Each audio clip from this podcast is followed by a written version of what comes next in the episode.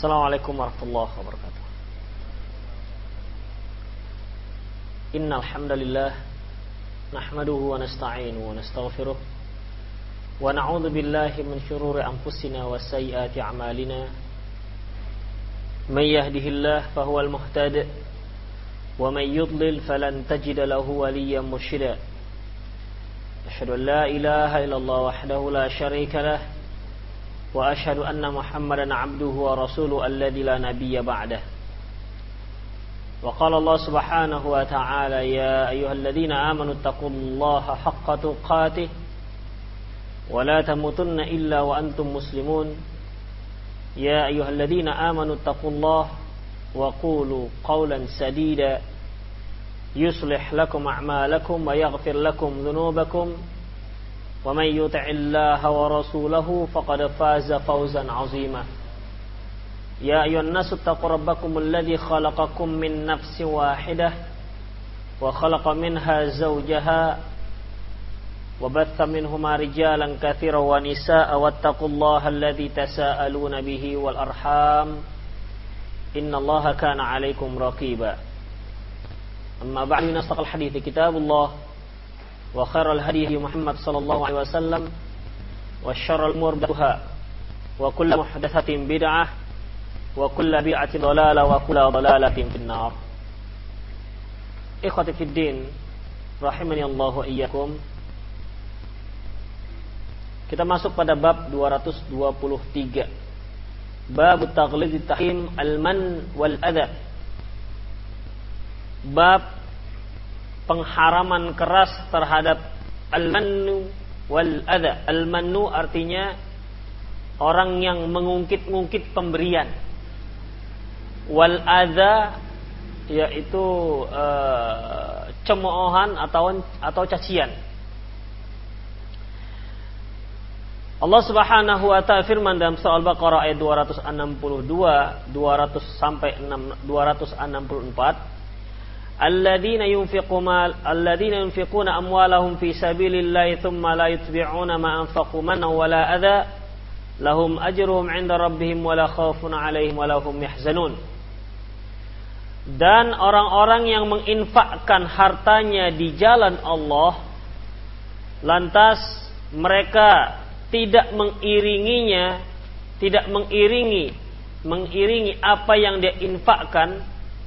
dengan mengungkit-ungkitnya dan juga tidak mencelanya, mencela orang yang diberi, maka ahum ajruhum inda rabbihim maka mereka mendapat pahala dari Rob mereka.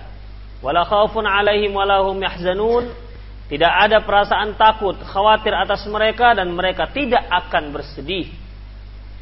Qaulun ma'rufu wa maghfiratun khairum min sadaqati yatba'uha adha. Wallahu ghaniyyun halim. Sesungguhnya ucapan yang baik wa maghfiratun dan pemaaf lebih baik daripada memberi sedekah tapi diiringi dengan cercaan. Wallahu ghaniyyun halim. Sungguhnya Allah itu Maha Kaya, Al-Halim. Ya ayyuhalladzina amanu la tubtilu shadaqatikum bil manni wal adha. Wahai orang-orang yang beriman, janganlah kalian membatalkan pahala puasa kalian, eh, pahala sedekah kalian dengan mengungkit-ungkitnya dan dengan diiri, mengiringinya dengan eh, celaan. Hadis dari yang diriwayatkan oleh Imam Muslim An Abi Dzar radhiyallahu anhu anin Nabi sallallahu alaihi wasallam qol dari Abi Dzar radhiyallahu anhu dari Nabi SAW dia bersabda, beliau bersabda Thalathatun la yukallimuhumullahu yawmal qiyamah wa la yanzuru ilaihim wa la yuzakkihim wa lahum adzabun alim Ada tiga jenis manusia yang nanti pada hari kiamat Allah tidak akan bicara dengan dia Artinya Allah tidak akan memperdulikannya. Wala yanzuru ilaihim. Allah tidak melihatnya, melihat ke arah mereka dan tidak membersihkan mereka dan untuk mereka adab yang pedih. Qala faqara'aha Rasulullah sallallahu alaihi wasallam thalatha marrat.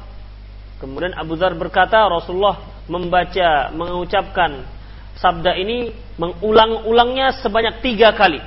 Ada tiga orang di hari kiamat kelak Allah tidak akan ajak dia bicara, tidak akan uh, melihat ke arah orang ini dan tidak akan membersihkan orang ini dan mereka ini akan mendapatkan adab yang pedih sampai tiga kali. Kala Abu Dhar, khabu wa khasiru. Manhum ya Rasulullah. Sungguh sangat sungguh sangat celaka dan sungguh sangat rugi. Siapa mereka ya Rasulullah? Kala beliau menjawab al-musbil. Mereka yang musbil. Musbil yaitu mereka yang menjulurkan uh, pakaiannya, celananya atau sarungnya di bawah mata kaki. Al-musbil. Wal manan, mereka yang mengungkit-ungkit apa yang telah diberikan. Mengungkit-ungkit apa yang telah disedekahkan. Wal munfiqu si'latahu bil halafi al kadhib dan orang yang uh, menjual barang dagangannya diiringi dengan sumpah palsu agar dagangannya tersebut laris. Maksudnya para ikhwatiddin azinallahu iyyakum, kalau al-musbil kita sudah faham di mana Rasulullah sallallahu alaihi wasallam bersabda, "Ma asfala ka'baini finnar." Apa yang berada di bawah dua mata kaki, maka tempatnya di neraka. Apa saja? Apakah itu kain sarung? apakah itu celana, apakah itu baju gamis, kalau diturunkan di bawah mata kaki, maka ancamannya neraka. Walaupun ada sebagian orang yang mengatakan ancaman neraka jika orang yang memakainya uh, bersikap sombong, khuyala. Kemudian uh, mereka berdalilkan dengan hadis di mana Rasulullah Shallallahu Alaihi Wasallam menyebutkan tentang hadis ini. Lantas salah seorang uh, lantas Abu Bakar radhiyallahu anhu berkata ya Rasulullah, sesungguhnya aku berusaha menjaga kain sarungku tapi tetap saja kain sarungku melorot. Kata Rasulullah SAW, uh, eh, kamu tidak termasuk orang yang sombong.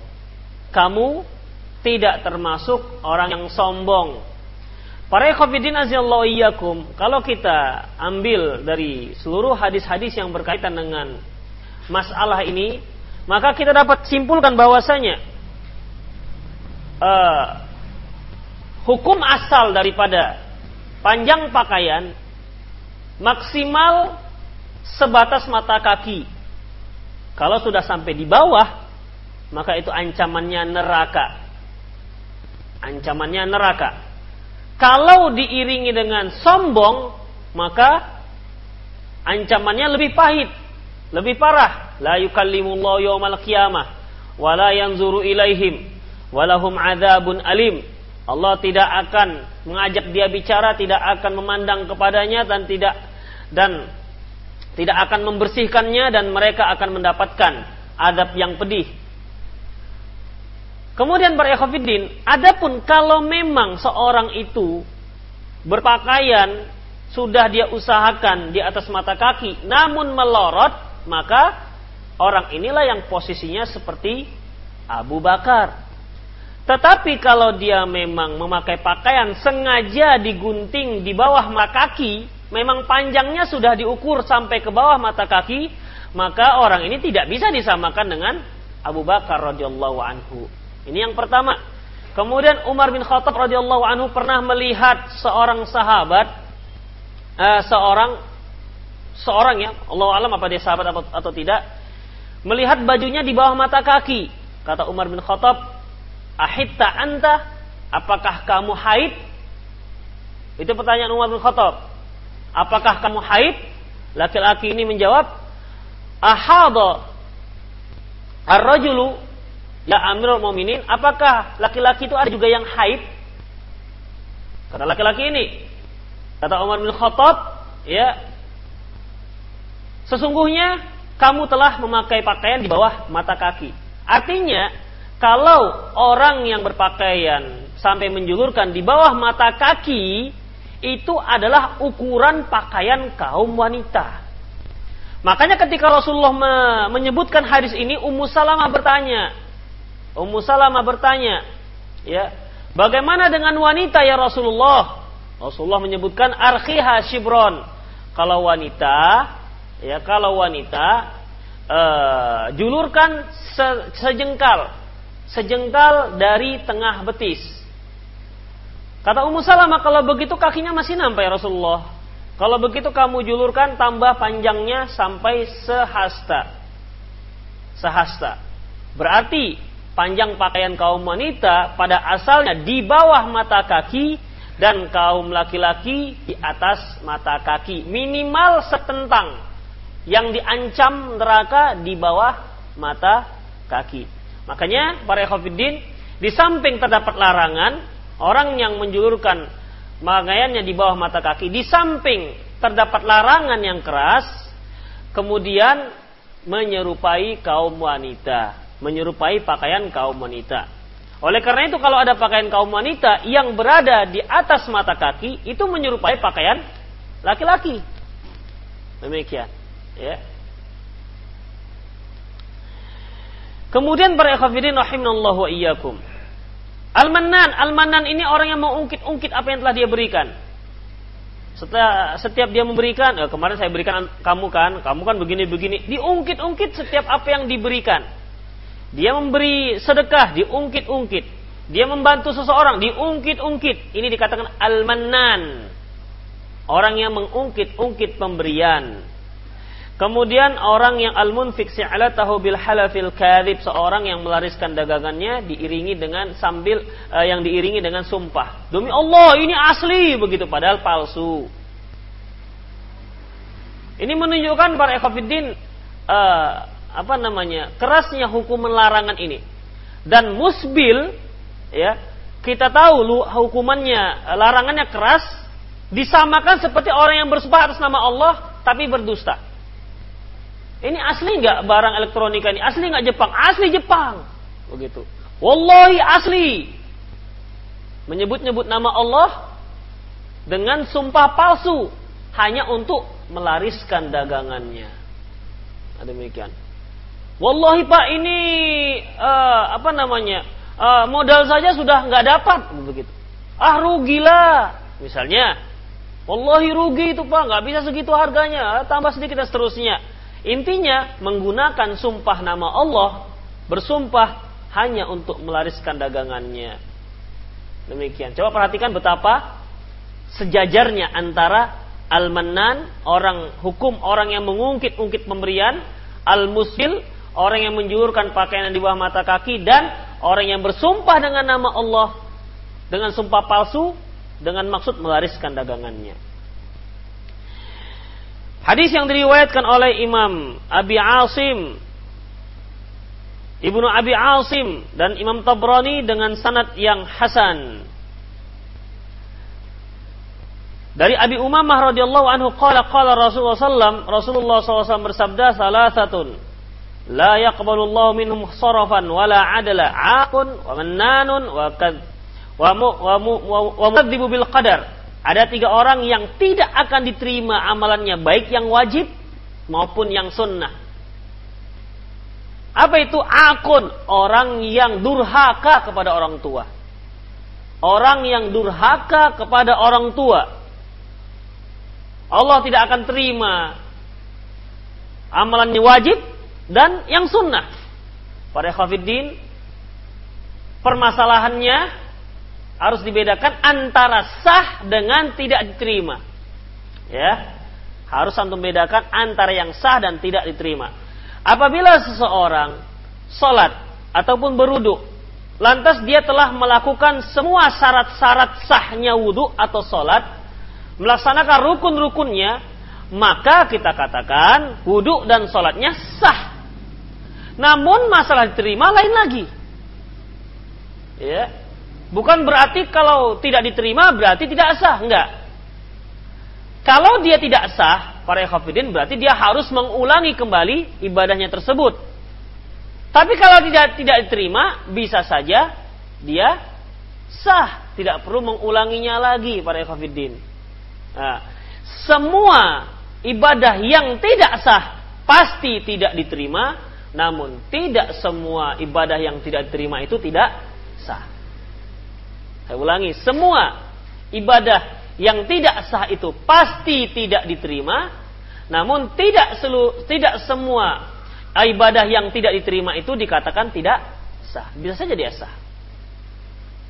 Akun orang yang durhaka kepada kedua orang tua. Para khafidin azallahu iyyakum. Ya. Sampai masalah jihad saja apabila sudah datang kewajiban untuk berjihad, panggilan jihad, maka seseorang harus dia meminta izin kepada kedua orang tuanya. Itu jihad. Kalau orang tua mengatakan gak izin, maka dia tidak boleh pergi berjihad dengan beberapa perincian. Itu mengenai jihad. Apalagi masalah pernikahan.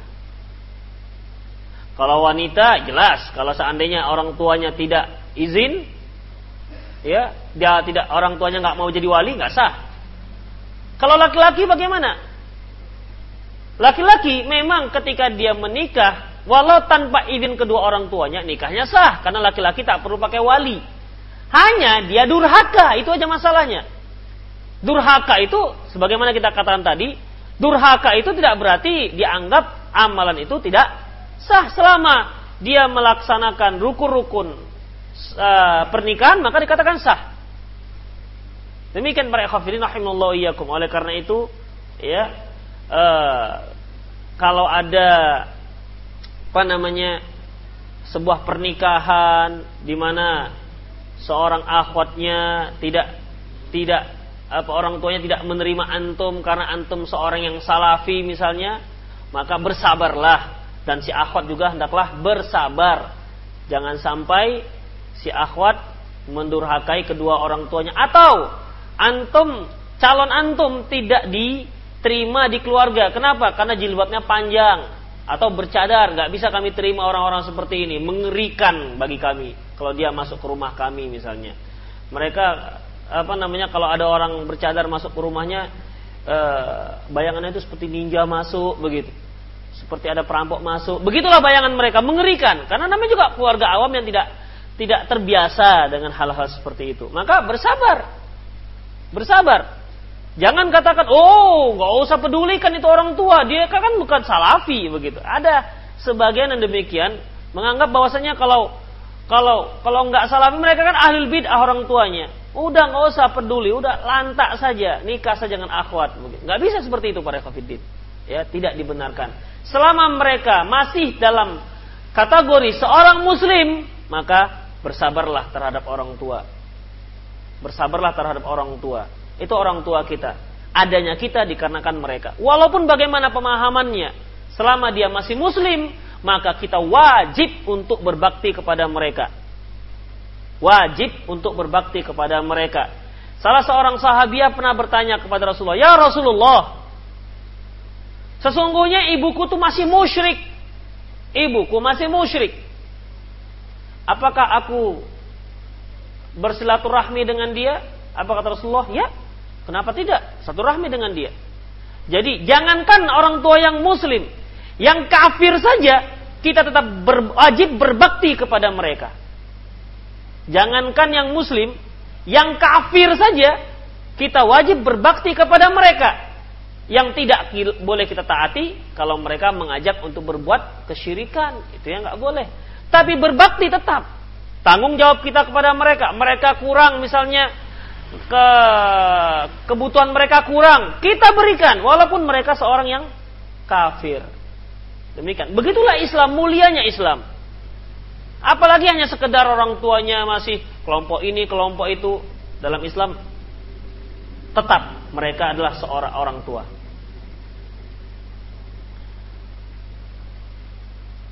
Kalau kita buka pintu seperti ini para ikhwafidin, maka masing-masing jamaah akan berkata sedemikian.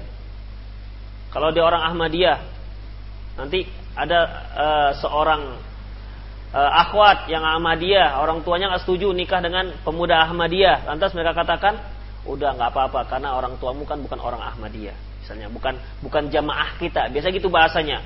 Nggak apa-apa, kan bukan jamaah kita. Nah, nanti yang tablik gitu juga, nggak apa-apa. Kan orang tuamu nggak jamaah kita.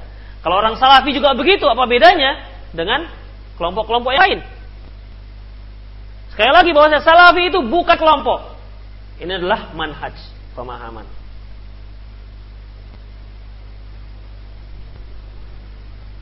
An Abdullah bin Umar radhiyallahu anhu qala qala Rasulullah sallallahu alaihi wasallam Rasulullah sallallahu alaihi wasallam bersabda la yadkhulul jannata waladu zinah wala mannan wala aqun wala mudminu khamar tidak masuk surga anak zina tidak masuk surga orang yang mannan mengungkit-ungkit pemberian demikian juga anak yang durhaka dan pencandu khamar.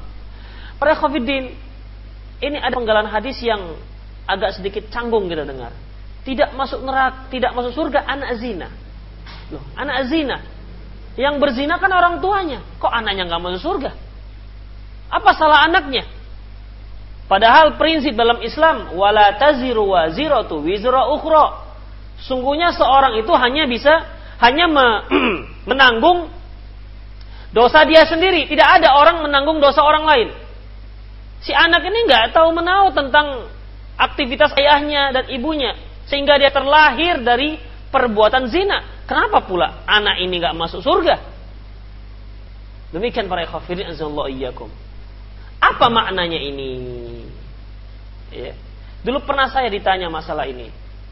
Tapi saya nggak tahu hadisnya rupanya begini bentuknya. Tidak masuk surga, anak zina. Setelah saya uh, cari syarah hadis ini ternyata maksudnya anak zina itu pemahamannya sama seperti uh, abnaud dunia, anak-anak dunia. Anak-anak akhirat atau uh, apa lagi? Ya demikian, lebih kurang. Ibnu Sabil, anak-anak perjalanan. Maksudnya itu bukan anak, tetapi kalau Ibnu Sabil apa? Anaknya perjalanan. Orang yang berada di perjalanan. Abna'ud dunia, anak-anak dunia artinya orang yang apa namanya? Yang dibudak, yang diperbudak benda-benda dunia sampai dikatakan abna'u abna'ud dunia. Demikian juga ini. Waladu zina artinya anak penzina begitu. Bukan anak yang hasil dari perzinahan. Jadi orang yang senang berzina sehingga dikatakan anak penzina begitu. Dia itu penzina lah kita katakan karena saking seringnya berzina. Demikian maksudnya Allahu alam bisawab. Kemudian wala manan juga nggak masuk surga orang yang mengingkat yang mengungkit-ungkit pemberian dan juga orang yang durhaka kepada orang tua. Kembali juga disebutkan wala mudminul khamar dan orang yang pencandu khamar.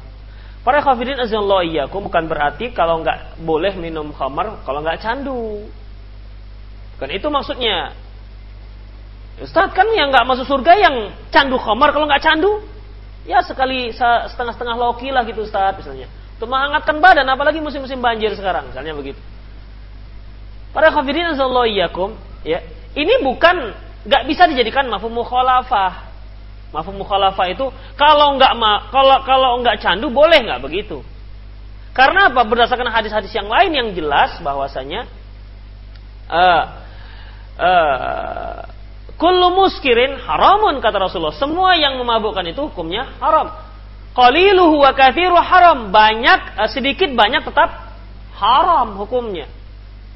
Minum sedikit haram kecuali kalau nggak sengaja nofri. Ini yang tahu kisahnya lucu ini. Kalau nggak sengaja nggak apa-apa.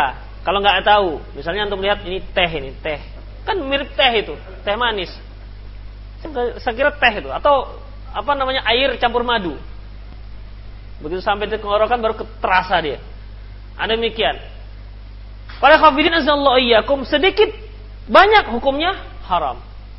Kalau penjandu ya lebih parah lagi. Demikian para khafidin ya, tidak masuk surga pencandu khamar. Orang yang minum khamar. Hadis ini sebenarnya hadis do'if.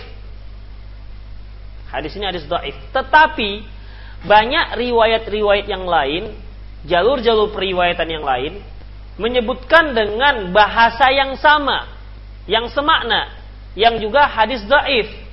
Dan di dalam istilah hadis bahwasanya apabila idza kana hadisun dhaif, idza kana hadis dhaif, ta'addat turuquhu apabila ada hadis dhaif jalur riwayatnya banyak ya, lebih daripada satu, maka yartaqi ila darajatil hasan, maka hadis ini naik pada derajat hasan atau hasan li ghairihi. Sudah boleh untuk diamalkannya. Syaratnya hadisnya tidak hadis dhaif jiddan, dhaif sekali. Kalau dhaif sekali walaupun 100 riwayatnya, maka tidak bisa naik kepada derajat hasan li. Dan hadis-hadis yang bisa yang dapat diamalkan minimal adalah hasan li hasan li zatihi di atasnya. Derajat di atasnya lagi sahih li di atasnya lagi hadis sahih li zatihi. Ada empat hadis yang boleh diamalkan. Kalau kita urut dari atas yang paling tinggi, hadis sahih li zatihi, nomor dua sahih li ghairihi, nomor tiga hadis hasan, nomor empat hasan li ghairihi. Di bawahnya hadis dhaif tidak boleh diamalkan walaupun untuk fadilah-fadilah amal. Ya, walaupun untuk fadilah-fadilah amal. Hadis yang diriwayatkan oleh Imam Nasai, Imam Nasai, Imam Ahmad, Imam Hakim, Imam Baihaqi Al-Bazzar, Ibnu Hibban dari Salim bin Abdullah dari Abdullah bin Umar radhiyallahu anhu radhiyallahu anhu maka dia berkata Rasulullah sallallahu alaihi wasallam Rasulullah SAW bersabda satu la yadkhul jannah. Ada tiga orang yang tidak, tiga jenis manusia yang tidak masuk surga. Akul walidayih, orang yang durhaka terhadap kedua orang tuanya. Wal mudminu al khamar, mereka yang mencandu khamar. Wal mannan bima a'ta, orang yang mengungkit-ungkit apa yang telah dia berikan. Min fikhil bab di antara fikih yang dapat diambil dari bab ini adalah pertama al mannu wal ada min sifatil bakhil orang yang mengungkit-ungkit apa yang diberikan dan mencela ataupun menghina orang yang dia dia telah berikan sesuatu adalah termasuk salah satu sifat orang yang bakhil. Li'annahu mu'jibun bima yaqa' minhu karena dia merasa takjub terhadap apa yang telah dia lakukan. Fatu'addimu fi nafsihi al-'atiyatu wa in kanat haqiratun fi nafsiha. Dia merasa apa yang telah dia berikan itu besar padahal bisa saja yang dia berikan itu satu hal yang remeh. Nah, demikian. Fayatiha nafsahu bil man, nafsuhu bil manni wal ada. Bidhanni annahu mun'imun al mufaddal. Hingga dia mengikuti perkara tersebut, mengiringi pemberiannya tersebut dengan mengungkit-ungkit dan menghina orang yang diberi. Karena mereka dia menganggap bahwa dia yang telah memberi sesuatu dan dia memberi dia lebih lebih unggul dibandingkan orang yang dia beri. Demikian. Jadi ketika dia minjam apa sajalah pemberian, apakah berupa pemberian, apakah berupa jasa, itu tidak boleh diungkit-ungkit. Ya tidak boleh di diungkit-ungkit. Apalagi udah nggak memberi, dicela lagi orangnya. Datang orang minta sedekah misalnya, kemudian dilihatnya orang ini sehat, eh kamu kan sehat, oh begini begini begini begini, akhirnya dia memberikan pegangannya panjang lebar yang sangat pedas didengar oleh siapa minta-minta. Ini dibolehkan, udah nggak ngasih, malah menghina. Demikian para ekhafiddin. Oleh karena itu qaulun ma'rufun, ucapkan ucapan yang baik wa maghfirah dan memaafkan khairun itu lebih baik. Kalau kita nggak memberi, maaf Bu ya, maaf Pak ya, begitu. Lain kali saja. Ya, besok datang lagi. Kali yang lain mana kemarin janji kali, lain kali lagi begitu. Artinya tetap kita minta maaf dengan ucapan yang baik tapi kalau cemana pemalas kamu ini, tengok badan gagah, e, kaki ditengkak-tengkakkan, coba coba dibuka perban itu. ya, karena di simpang-simpang itu begitu, peban-peban, kakinya ditekuk, dimasukkan dalam celana. Kelihatan sekali. Bahkan ada di depan saya, waktu di simpang, ada seorang anak muda, jalannya begini-gini. Begitu lewat mobilnya, begitu. Iya, begitu lewat, langsung tawa dia. Artinya memang menokoh. Ya kalau seandainya para ikhwafidin kita nggak memberi, ya beri nasihat. Ede, kamu kan bagus, Facebook bagus, nggak usah beri-beri, nggak usah meminta-minta. Tapi nggak usah menghina, ya, tidak usah menghina. Kaulun ma'rufun, ucapan yang baik. Ucapan yang baik itu bisa kalau nggak memberi minta maaf atau memberi nasihat. Memberi nasihat kepada orang yang meminta-minta tersebut. Itu akan lebih baik. Beri spirit supaya dia menda, apa namanya mau bekerja yang lebih baik, mau bekerja keras ketimbang mengemis atau meminta-minta. Dan uang masuknya banyak tuh Pak Ekofidin meminta-minta itu. Karena sekarang itu minimal seribu. Jarang orang pegang uang gopek. Seribu, seribu, seribu. Satu hari dapat 20 orang, 20 ribu. Demikian. Kali sebulan berapa itu? Nah, kalau dia punya kaki, punya anak buah, dia punya transportasi dikoordinasi oleh seseorang kan, bawa pick up, letakkan di setiap simpang, ada koordinatornya, ada yayasannya, yayasan tukang minta-minta. Ada demikian para ekofidin. Jadi atau berupa jasa, jasa misalnya kemarin kita sudah memberi uang, sudah dipulangkan, misalnya, ya. Kemudian dia minta lagi misalnya, oh kemarin sudah saya kasih, itu pun saya terpaksa begini begitu begini begitu. Atau dia minjam sepeda motor, kemarin begini begitu begini begitu. Diungkit-ungkit apa ya jasa yang telah dia berikan. Itu hukumnya haram bukan makruh, haram. Haram. Nah, terkadang perkara-perkara seperti ini yang sering itu dalam masalah kegiatan-kegiatan sosial. Misalnya panitia masjid, mana panitia masjid? Mana nggak ada yang datang? Panitia masjid, udah berdiri masjid, kemudian dia disingkirkan misalnya. Kalau nggak aku tuh mana berdiri tuh masjid, misalnya begitu kan? Ah, itu hati-hati. Atau BKM masjid. Pokoknya semua masalah yang berkaitan kegiatan sosial, yayasan sosial. Itu saya itu kalau nggak saya mana? Uh, kau begitu. Nah, demikian Pak Ekobin, ya. Begini yang banyak, yang banyak terjadi di masyarakat kita.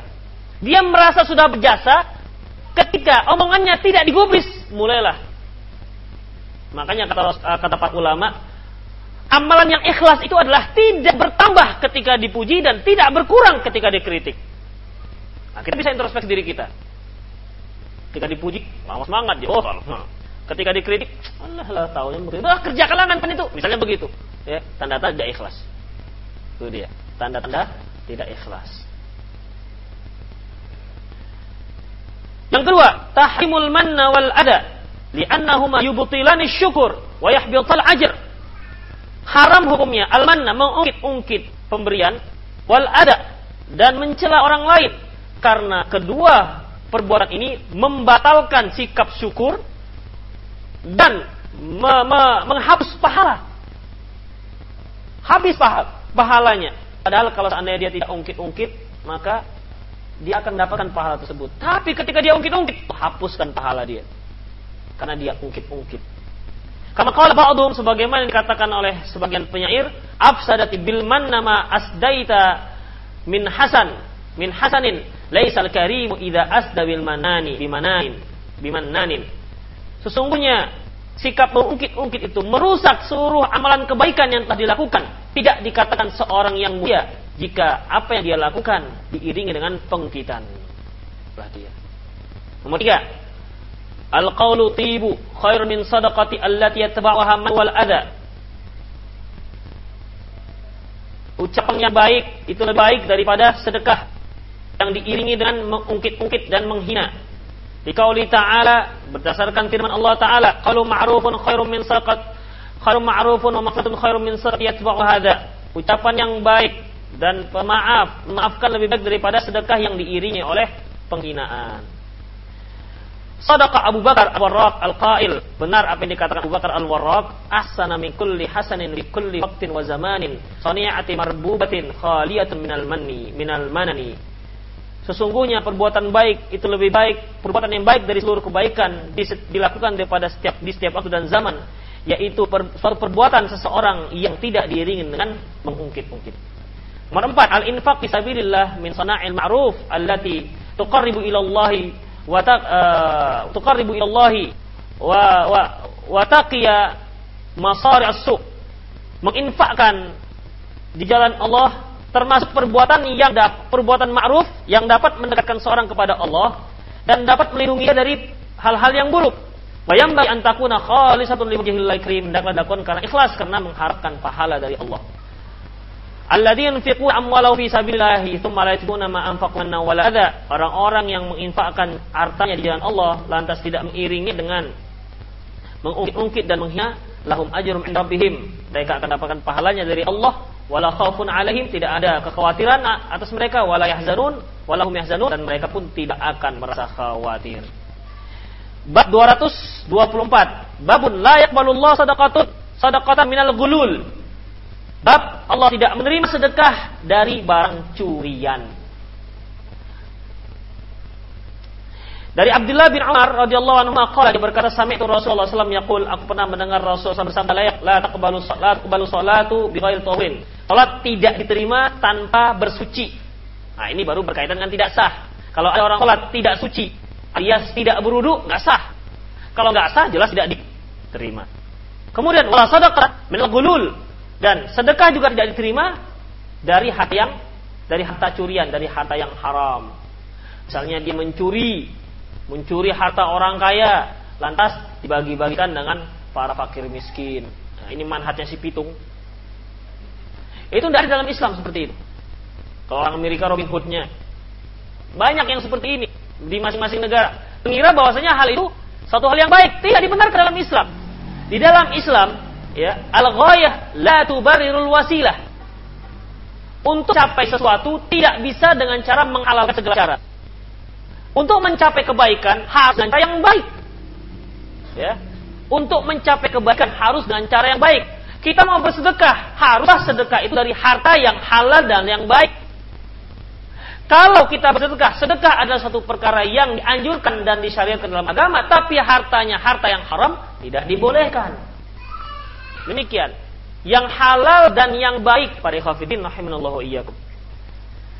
Hadis diriwayatkan oleh Imam Muslim dari Abi Hurairah radhiyallahu anhu qala Rasulullah Rasulullah bersabda man jama'a malan haraman summa tasaddaqa bihi lam yakun lahu fi ajfihi ajrun Barang siapa yang mengumpulkan harta yang haram lantas dia bersedekah dengan harta tersebut, maka tidak ada pahala baginya. Wa kana isru alaih, bahkan dia berdosa. Ya. Lantas, apakah orang yang diberi sedekah haram itu berdosa? Orang yang menerimanya berdosa apa enggak? Hmm? Tidak. Kalau dia tahu, gimana? Tahu dia ini harta yang haram, harta curian. Tahu lagi dia punya fulan yang dicuri. Saya bukan penada, saya hanya apa penerima sedekah. penerima sedekah tidak dibenarkan kalau dia tahu itu merupakan harta yang haram. Karena dia akan makan harta yang haram. Tapi kalau nggak tahu, pada Hafidin nggak masalah. Itu pun antum nggak boleh tanya-tanya. Nggak boleh tanya-tanya. Sudah jelas orang yang memberinya itu kelihatan bagus, berjenggot, begitu pakai lobe. Tanya, ini harta dari mana pak? Bapak dapat dari mana? Oh dari sana, usaha apa? Usaha apa pak? Bapak modal usaha dari apa? Halal apa enggak modal usaha Bapak? Enggak dibolehkan. Ya, itu adab. Adab. Tapi kalau antum jelas, orang ini memang biasa ngompat orang, suka mencuri. Udah, boleh ditanya. Kenapa? Ini kemungkinan begitu. Jangan, enggak lah, nggak usah tanya tahu. Kalau tahu jadi ketahuan hukumnya. Masa tanya-tanya, bisa juga seperti itu. Mendingan nggak tahu, ada hukum. Demikian para ikhtiddin rahimahullah wa iyyakum. Kemudian min fikih bab di antara fikih bab Allah Allah itu maha baik wala yaqbalu sadaqah illa kasih tayyib tidak menerima sedekah dia tidak menerima sedekah. Maksudnya dia menerima ini tidak memberi pahala. Allah kan tidak memberi menerima sedekah. Dan kita beri sedekah kepada Allah. Artinya Allah tidak memberinya pahala. Allah tidak menerima sedekah kecuali dari hasil uh, usaha yang yang baik. Inna Allah tayyibun la yaqbalu tayyiba. Allah itu baik, tidak menerima kecuali yang baik-baik juga. Bagaimana kalau seandainya orang yang korupsi, uang maling, kemudian pergi haji, sah apa tidak hajinya? Hmm? Karena perhitungannya kalau saya curi uang negara satu miliar, haji plus 75 juta. Sebab kalau haji biasa, dia tunggu 6 tahun. Haji plus lah satu miliar. Kemudian masih ada tinggal berapa?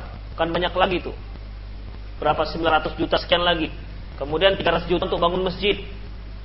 Dia sengaja diberikannya pada bulan Ramadan, kan berlipat-lipat itu. Ya begitu dihitung hitung hitung hitung hitung pahalanya sekian kali lipat kali 700, berarti sudah lebih 1 miliar. Nah, demikian. Dan terima tidak ada tidak tidak benar sama sekali. Dan para khafidin dan bukan suatu hal yang aneh, ada orang yang memang uh, mencuri lantas bersikap dermawan untuk menutupi kedoknya. Di masyarakat seperti dermawan sekali, rupanya maling di tempat lain. Korupsi di tempat lain. Dia bangun masjid, ya wajarlah yang namanya masyarakat kalau dikasih senang, nggak dikasih baru marah. Coba lah, antum mau disangi masyarakat, apa pun pengalaman antum, coba keliling setiap minggu ngasih limpul, limpul, limpul, wow, memang dermawan bapak ini. Tapi pemahamannya begini, itu urusan dia, itu urusan dengan Allah, yang penting kita limpulnya yang penting. Demikian, mudah saja sebenarnya masyarakat ini. Nah, demikian Tidak diterima oleh Allah Subhanahu wa taala. Jadi, yang penting hasilnya itu dari usaha yang haram, keluarkan, infakkan. Itu yang terpenting dan itu yang diterima oleh Allah Subhanahu wa taala. Jadi, bendanya yang halal berasal dari sumber yang halal dan diberikan dengan cara yang halal. Ya, diberikan dengan cara yang yang halal. Jadi, benda yang halal. Artinya kita mencari usaha dengan cara yang halal. Usahanya usaha halal, jual beli, tapi yang dijual ganja misalnya. Ya kan enggak barangnya barang haram. Udah. Jadi usahanya usaha dagang itu kan boleh. Ya, usaha yang halal bukan dari hasil judi misalnya. Ha, bendanya yang halal, pemberiannya juga dengan cara yang halal. Jangan diikuti dengan dengan mengungkit-ungkit tadi. Kemudian dengan niat yang ikhlas. Demikian kalau berinfak. Nomor dua, sedekah minal gulul la. Sedekah dari barang-barang yang barang-barang curian tidak diterima oleh Allah. Gulul ini para kafirin asalnya adalah dari ketika uh, apabila terjadi perangan, terjadi peperangan itu kan ada harta rampasan. Maka sebelum harta rampasan itu dibagi-bagi ke pasukan itu dikumpul dulu. Dikumpul dulu. Nah, di saat mengumpulkan ini jika ada yang mengambil misalnya apakah cambuk ataukah pedang disimpannya ataukah pisau misalnya disimpannya tidak dikumpulkannya itu dikatakan hulul. Ini asal kata hulul.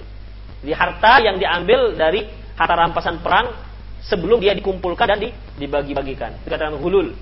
Dan itu akan uh, apa namanya akan menyeret si pelakunya ke dalam neraka.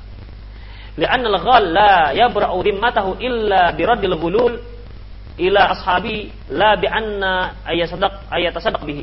Karena si pencuri dia tidak akan terlepas dari tanggung jawabnya kecuali dengan mengembalikan barang curian tersebut kepada si pemiliknya, bukan dengan mensedekahkannya. Demikian. Misalnya dia tadinya profesinya apa namanya berprofesi sebagai pencopet ataupun maling, pencuri. Kemudian dia mau bertobat misalnya. Cara tobatnya kembalikan barang yang dia curi kepada si pemiliknya. Jangan disedekahkan. Bukan disedekahkan.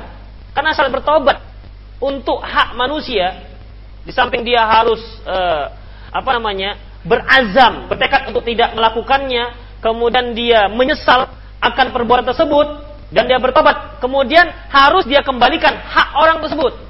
Kalau tidak kembalikan, maka taubatnya belum diterima. Beda dengan hak Allah. Hak Allah misalnya dia nggak sholat, kemudian dia tobat kepada Allah, dia sholat, sudah selesai urusannya. Ya, tapi yang namanya barang orang yang pernah dia curi, dia kembalikan. Dia usahakan dengan semaksimal mungkin sedaya upaya sedaya upayanya untuk mengembalikan kepada si pemiliknya. Kalau enggak dia temui orangnya mungkin karena sudah lama, maka silahkan dia sedekahkan atas nama si pemilik. Begitupun kalau si pemiliknya datang, eh ketemu, ini yang dulu saya curi barangnya. Kemudian dia cerita, dulu saya begini-begini, mana pak, mana, mana, mana dia, mana, mana, mana dia, misalnya, mana dia, balikan. Oh pak, sudah saya sedekahkan, misalnya gimana? Maka dia wajib untuk mengembalikan. Sedekahnya itu dia. Nah, demikian ya para kafirin. Jadi nggak bisa kan alasan kok bapak sekarang minta udah sedekahkan? Kalau bapak lah kenapa bapak nggak nampak? Itu nggak bisa. Nggak bisa jadikan alasan. Demikian para kafirin Allah iya. Cukup lah ya dua bab pada malam hari ini. Insya Allah kita akan lanjutkan pada bab-bab selanjutnya. Bab nahyu al mutasaddiq ayastari sadaqatahu mimma yatasaddaqa alaihi. Bab larangan memberi membeli barang yang telah kita sedekahkan. Misalnya saya punya HP atau saya punya barang yang saya sedekahkan dengan orang. Kemudian saya beli barang itu dari dia. Barang yang sama saya beli dari orang dilarang. Bagaimana dalilnya dan perincian? Insya Allah pada Selasa malam Selasa yang akan datang. Aku lihat astagfirullah wa lakum muslimin innahu wal ghafur. Assalamualaikum Ustaz, apa hukum memendekkan jenggot dikarenakan di tempat kerja saya disyaratkan diwajibkan untuk memendekkan jenggot? Iya. Pertama, carilah tempat yang syaratnya tidak memendekkan jenggot. Itu dulu. Iya, itu dulu. Jangan sudah tahu begitu masuk, kadang-kadang para ekofidin, kadang-kadang kawan ikhwan dia juga belum disuruh sudah dipendekkan, takut nggak diterima. Belum disuruh sudah dipendekkan, takut nggak diterima. Dan kalau masalah masalah cari uang, cari nafkah itu kan tidak tidak harus di sini. Tidak ada instansi yang mewajibkan mewajibkan pegawainya harus memendekkan jenggot, mencukur jenggot atau uh, tempat yang kalau dia wanita harus tidak harus membuka jilbab kalau nggak nggak terima. Ya tak usah. Memang rezeki harus dari dia. Wa may yattaqillaha ja'alahu makhraja. Barang siapa yang bertakwa kepada Allah, pasti akan diberi jalan keluar. Sungguh ya tapi ya, sungguh. Wa yarzuquhu min haitsu la yahtasib dan akan diberi eh, rezeki dari arah yang tidak dia duga-duga. Tapi sungguh. Jangan nggak boleh udahlah, nggak usah kerjalah. Badah saja doa, zikir. Tidak demikian dalam Islam. Ya. Kalau dia sungguh, wallahi para ikhwafidin, ya, rezeki kita itu sudah tertulis sebagaimana yang kita kaji belum tentu dengan memendekkan jenggot masuk ke tempat itu lantas rezeki kita banyak. Siapa menjamin? Jangan-jangan begitu seminggu dipecat.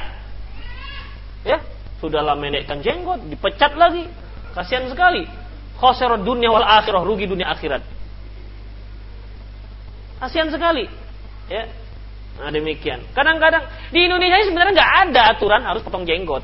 Itu kebijakan masing-masing saja. Kebijakan masing-masing saja.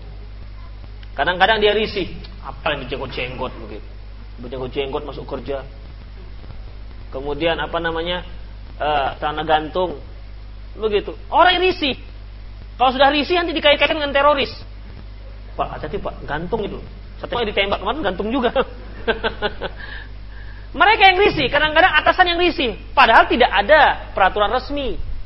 Tidak ada peraturan resmi. Demikian para ekofidin. Dan di dunia juga tidak ada apa namanya uh, peraturan itu kan masing-masing instansi yang buat.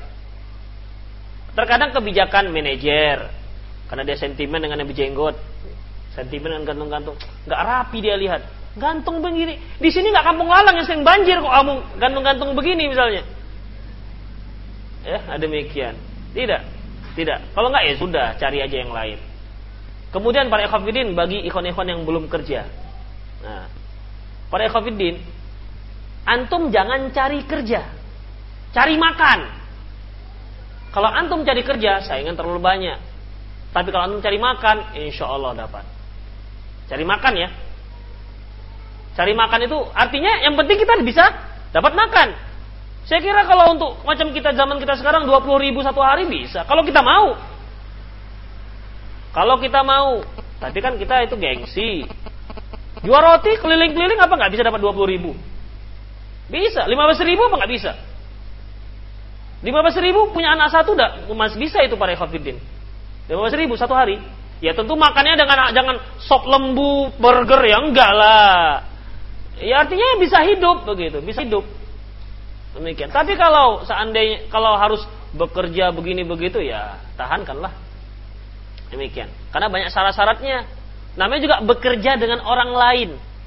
Bekerja dengan orang lain. Kalau orang lain itu tidak cocok dengan kita, akan dicari-cari kesalahan kita. Demikian. Jadi ketahuilah dunia itu tidak selebar daun kelor. Ya, rezeki kita tidak dari dia. Rezeki kita ditanggung oleh Allah Subhanahu wa taala. Demikian. Jadi bukan uzur. Bukan uzur motong jenggot gara-gara masuk kerja.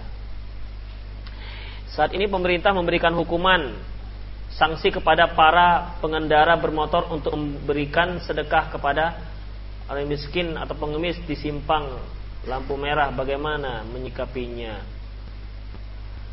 Pada kafirin azallahu kalau seandainya itu sudah jadi peraturan dan sudah terlaksana ya kita taati kita mentaati. Tentu pemerintah ya, pemerintah me membuat peraturan ini dengan pertimbangan maslahat dan mafsadah. Ya. Saya yakin itu nggak akan mungkin pemerintah itu melarang membuat peraturan ini karena sentimen dengan orang miskin. Saya nggak yakin dikarenakan ini. Tapi dikarenakan pertimbangan manfaat dan mafsadahnya. Kerusakan dan ma maslahatnya dan kerusakannya. Ya kita lihat sendiri terkadang ada yang uh, apa namanya? Uh, duduk di pinggir jalan itu, bukan di trotoarnya malahan, di pinggir jalan. Itu kan sangat berbahaya. Dia akan duduk, kalau nggak nggak kelihatan pengendara truk misalnya, mepet mepet mepet mepet, rupanya eh sudah sudah di bawah roda. Kan maslahat, satu kemaslahatan Ya sama dengan lampu merah begitu. Itu kan maslahatan. Maslahatan si pengemis, maslahatan untuk pengendara. Kalau kita itu kan hukum, hukumnya begitu. Kita naik mobil, mobil kita ditabrak oleh pengendara sepeda, dia jatuh luka, kita yang bayar. Dia nabrak kita dari belakang, naik sepeda, wupuk begitu. Dia jatuh luka, kita yang bawa dia ke rumah sakit, kita yang bayar. Pan dia nabrak kita. Pokoknya tengok rodanya mana yang paling banyak, dia yang salah. Hmm, yang paling banyak rodanya dia yang salah. Demikian para ekofidin. Yang naik sepeda ditabrak oleh pejalan kaki, naik sepeda salah. Itu aja rumusnya. Ya, belum lagi uang terkejutnya. Uang terkejut lain lagi itu, uang rumah sakit lain, uang terkejut lain. Jadi kita taati kalau yang demikian itu pasti ada maslahatnya, bukan dikarenakan untuk apa namanya eh, apa namanya untuk untuk sentimen terhadap orang miskin. Belum lagi para ekofidin terkadang pengamen-pengamen itu. Kalau di Jakarta di Jakarta terkadang pengamen itu minta. Minta nggak dikasih digoresnya mobil orang. Stret. sekali gores kalau mobil mewah juta keluar. Mau nggak mau dibuka juga kaca tuh kasih seribu. Kalau nggak digores. Gores segini saja set begitu udah. Berapa juta dia kena? Kecuali kalau mobil-mobil bemo gitu nggak ada masalah digores. Ini biasanya mobil-mobil mewah. Makanya khawatir mereka. Terganggu pengendara ya. Jalan terganggu jadinya Demikian. Insya Allah itu ada maslahatnya. Maslahatnya. Kecuali kalau pemerintah mengumumkan dilarang memberi sedekah kepada fakir miskin, itu nggak boleh di, diikuti. Kalau peraturan begitu, barang siapa yang bersedekah terhadap fakir miskin, maka akan dipenjara selamat selama lamanya empat bulan kurungan dengan denda lima ribu rupiah. Misalnya begitu. Itu nggak perlu diindahkan, nggak perlu di, nggak perlu dijalankan. Kenapa? Karena melanggar syariat Islam. Islam membolehkan, Islam malah menganjurkan, pemerintah kok malah melarang. Tapi kan ini berkaitan dengan yang di persimpangan, itu pasti ada maslahatnya.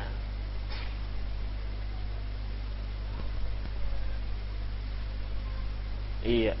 Lagi pula kan jarang juga ngasih kan?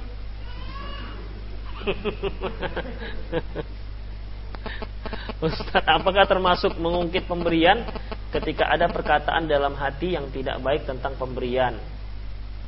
Maksudnya perkataan gimana? Oh dia ngomel tapi dalam hati gitu, nggak apa-apa. Artinya nggak termasuk mengingkit. Itu artinya dia nggak ikhlas saja. Ya.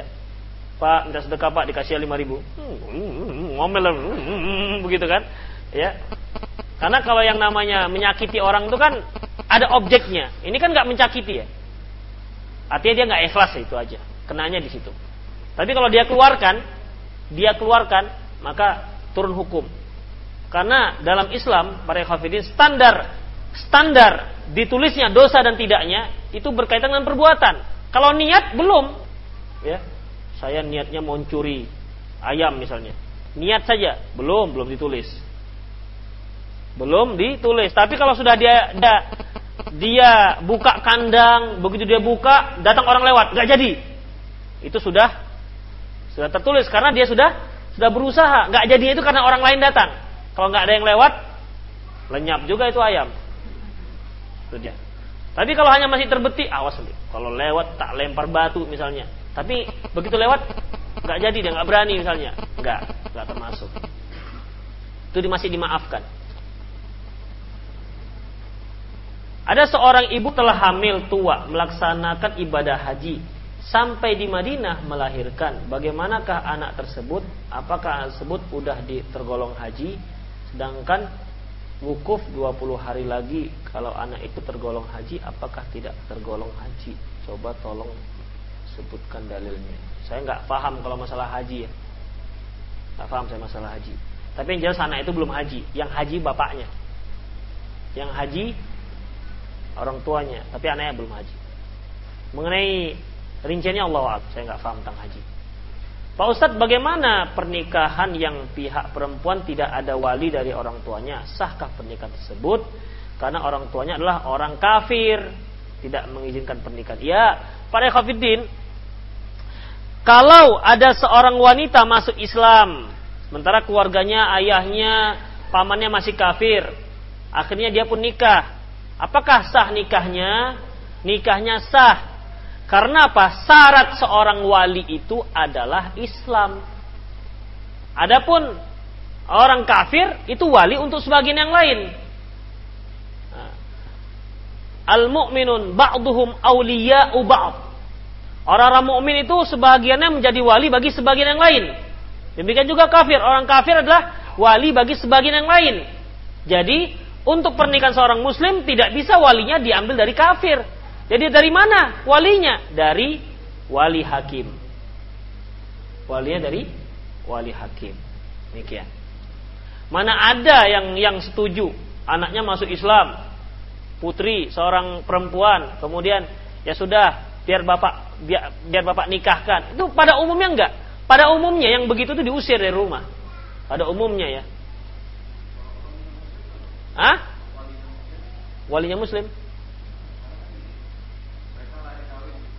Jangan kami lari-lari. Ah.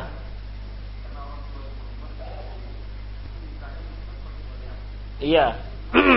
Kalau orang tuanya muslim, la nikaha illa biwali. Tidak ada pernikahan, tidak sah. La itu la nafiyah.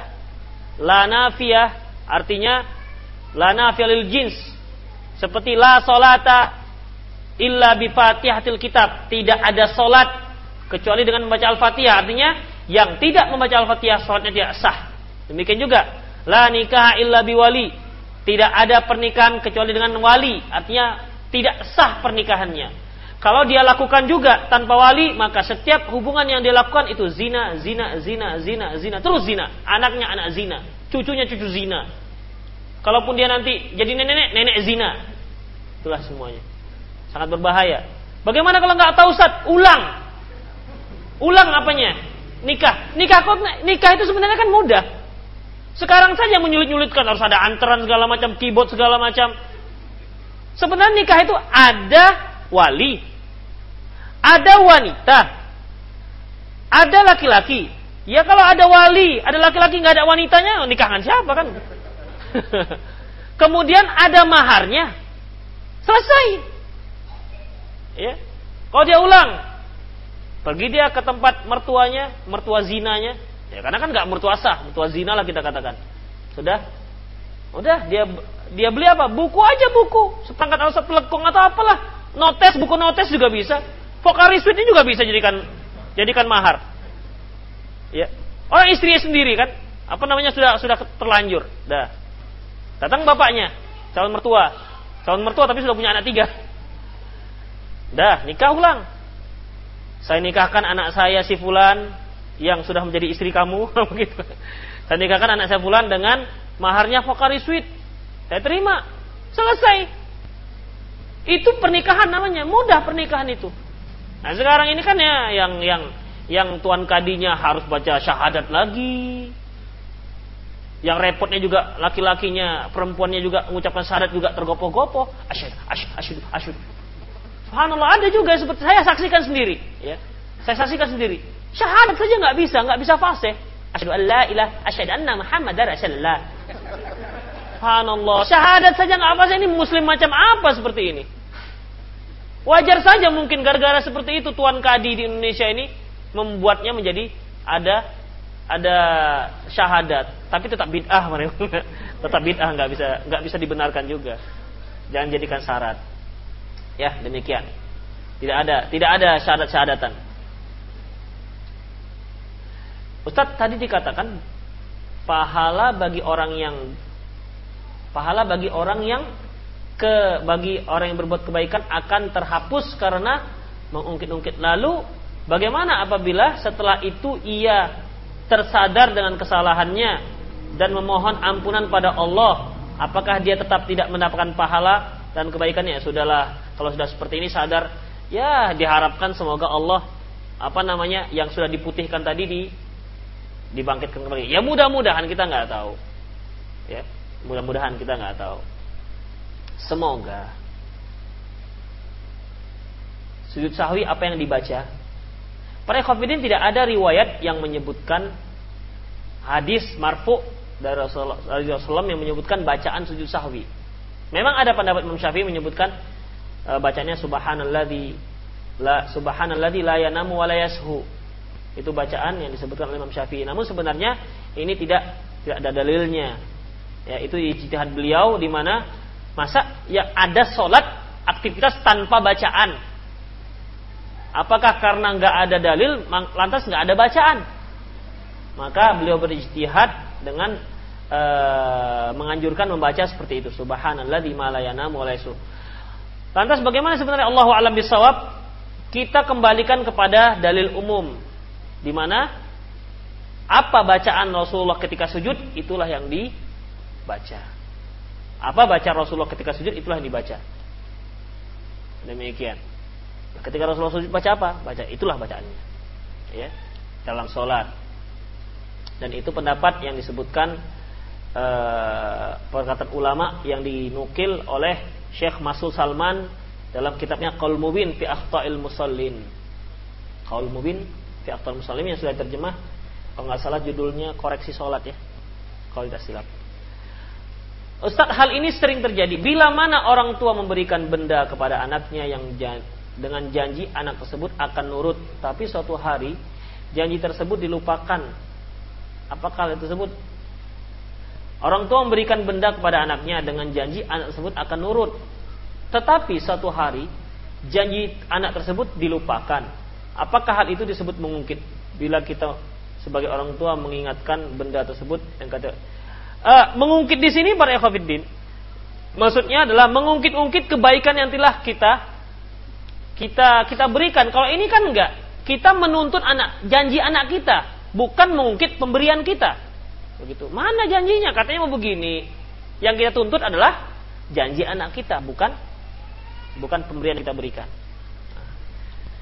Dan lagi habis? Yang terlewat mana ini? Ada tiga. Ini. Assalamualaikum Ustaz, saya mau bertanya tentang falas atau valuta asing. Aduh, saya nggak paham. Yang diperjualbelikan, nggak ngerti-ngerti. Kalau falas katanya valuta asing ini segala macam masalah masalah masalah kontemporer sekarang saya nggak paham. Allahu a'lam bishawab. Demikianlah para khafidin. Ada, ada lagi? Ya.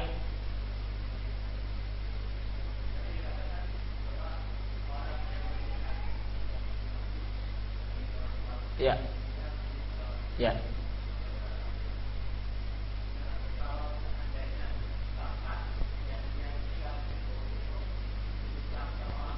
Hmm. Ya. Nah. Makanya tadi saya sebutkan dengan rincian. Ada di ingat? Ingat nggak yang saya sebutkan tadi dengan rincian? Ingat tadi? Ada kan saya sebutkan dengan rincian. Artinya ada pertempuran itu tidak lagi harus pakai izin orang tua. Di antaranya seperti tadi, itu jihad difa, artinya jihad ketika kita diserang. Minta izin lagi kapan selesainya? Kita lagi di, diserang ini. Atau ketika e, ketika jihad dipanggil sementara tidak ada seorang yang bisa kecuali kita. Misalnya, kita mau perang ini, nggak ada yang bisa jalankan tank kecuali kita.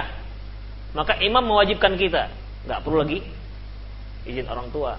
Mengapa demikian? Karena itu fardu sudah fardu ain pada kita. Jadi maka tadi saya sebutkan dengan rincian. Ya kalau kita cerita lagi tentang jihad, lain lagi kan ceritanya tentang ini.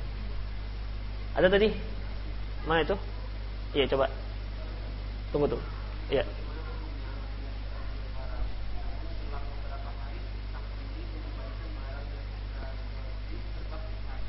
Iya.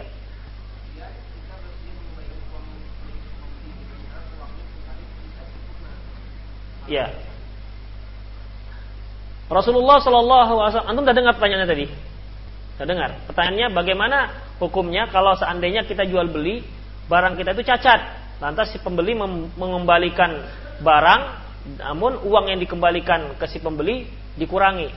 Nah, Rasulullah SAW bersabda, rahimallahu rajulun samhan idza ba'a samhan idza ishtara. Allah merahmati uh, seorang yang mudah dalam menjual dan mudah dalam memberi.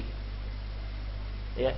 Apabila kita menjual barang yang cacat, kemudian karena cacat itu si pembeli nggak tahu cacat tersebut, kemudian dikembalikan, maka ya kita terima. Dan dia menuntut haknya. Dia menuntut haknya walau dalam walau dalam hukum jual beli sudah sah. Karena hukum jual beli ada namanya hakul khiyar, hak pilih. Boleh membatalkan membatalkan jual beli, boleh juga melanjutkan. Malam kok selama mereka sudah berpisah. Misalnya, saya jual beli dengan Faisal, jual Pocari Sweet, uh, air minum ini. Gimana ini? Begini begini, uh, 500 lah, uh, 300 lah demikian. Masih bisa, saya masih bisa membatalkan atau meneruskan. Tapi ketika sudah udah 500 misalnya. Udah? Ini masih bisa saya batalkan. 500 saya kasih 500 saya kasih uangnya saya pergi, maka Faisal boleh tidak menerima kembali jika saya pulangi. Kecuali kalau cacat. Itu lagi. Tapi kalau masih di majelis, boleh. Udah Pak, nggak jadi. Boleh. Kalau di majelis ya. Namun kalau dia sudah berpisah, datang lagi, Pak nggak jadi Pak, maka tidak ada hak khiar, tidak lagi ada hak pilih. Si penjual boleh mengatakan, nggak, nggak saya terima, boleh. Kecuali kalau kasusnya seperti tadi, ada cacat, ya, ada cacat. Beli pakaian misalnya, beli kain, ternyata di tengahnya itu ada yang salah cetak atau ada bolong. Beli kain semeter, bolongnya 30 cm misalnya. Nah, demikian. Oh bagaimana kalau belinya beli obral? Maka jual beli seperti ini dikatakan jual beli gurur. Jual beli yang tidak jelas. Tidak boleh jual beli seperti ini. Jual beli harus jelas barangnya bagus apa enggak. Ini boleh nggak dibuka? Enggak, nggak boleh dibuka. Nggak boleh dibuka. Pokoknya kalau mau beli ini dia barangnya. Begitu. Itu tidak dibolehkan. Ya, jual beli seperti ini tidak di bolehkan. Kecuali kalau jual beli buku para ikhwatiddin. Mengapa sekarang disampuli pakai plastik semua, laminating? Karena banyaknya itu datang megang, megang, megang. Akhirnya tiga orang megang keriting bukunya. Makanya penerbit me, me, melaminating buku. Ini bukan bela ya. Begitu kondisinya. ya. Begitu kondisinya. Nah, demikian ya para ikhwatiddin azallahu iyyakum. Habis ya? Udah, ya silakan terakhir. Pernikahan. Antum udah nikah? Belum, aduh, kasihan. Terus gimana? Ya. Ah. Ah. Ya.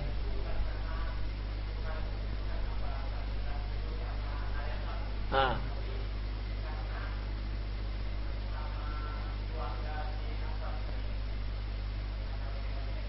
Uh